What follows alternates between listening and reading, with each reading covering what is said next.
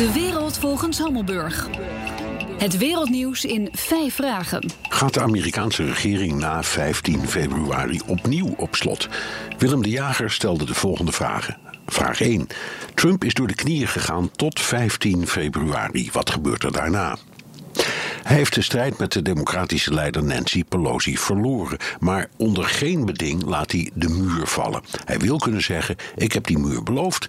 En die komt er dus ook. Maar hij is rot geschrokken van de negatieve reacties en de ontwrichting van de samenleving. Dus ik vermoed dat hij oren heeft naar een compromis. Vraag 2.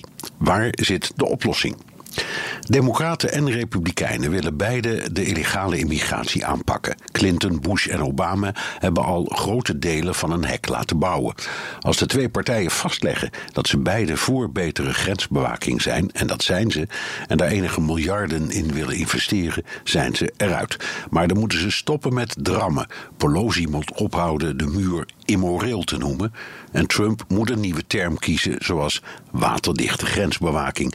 De vraag is of ze zijn hun haantjes en hennetjesgedrag op te geven. Vraag 3. Trump dreigt met het argument van nationale veiligheid, want dan kan hij om goedkeuring van het congres heen. Lukt hem dat?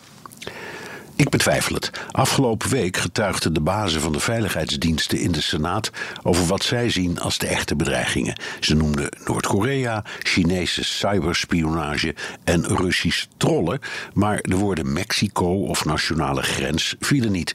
Dus dat lijkt me een hopeloze strategie. Vraag 4. Hoe erg was de sluiting van de regering? Heel erg, want bijna een miljoen ambtenaren konden hun huur of hypotheek niet meer betalen en geen eten op tafel zetten. Ze hebben zich massaal in de schulden moeten steken. Bedrijven begonnen eronder te lijden, de markten werden doodnerveus. De chaos op vliegvelden als gevolg van zich ziek meldende verkeersleiders en veiligheidspersoneel heb ik aan den lijve ondervonden met annuleringen, onvoorstelbare rijen, wanhopige passagiers. Dat gun je echt niemand. Vraag 5. Op de man af, hoe groot is de kans dat de regering na 15 februari open blijft? Ik zou zeggen zeker 75 procent. Ik durf er wel een flesje op te zetten. Als ik verlies, kan het alleen even duren voordat ik het kom afleveren, want de vraag is dan of ik uit Amerika wegkom. Dank Willem de Jager.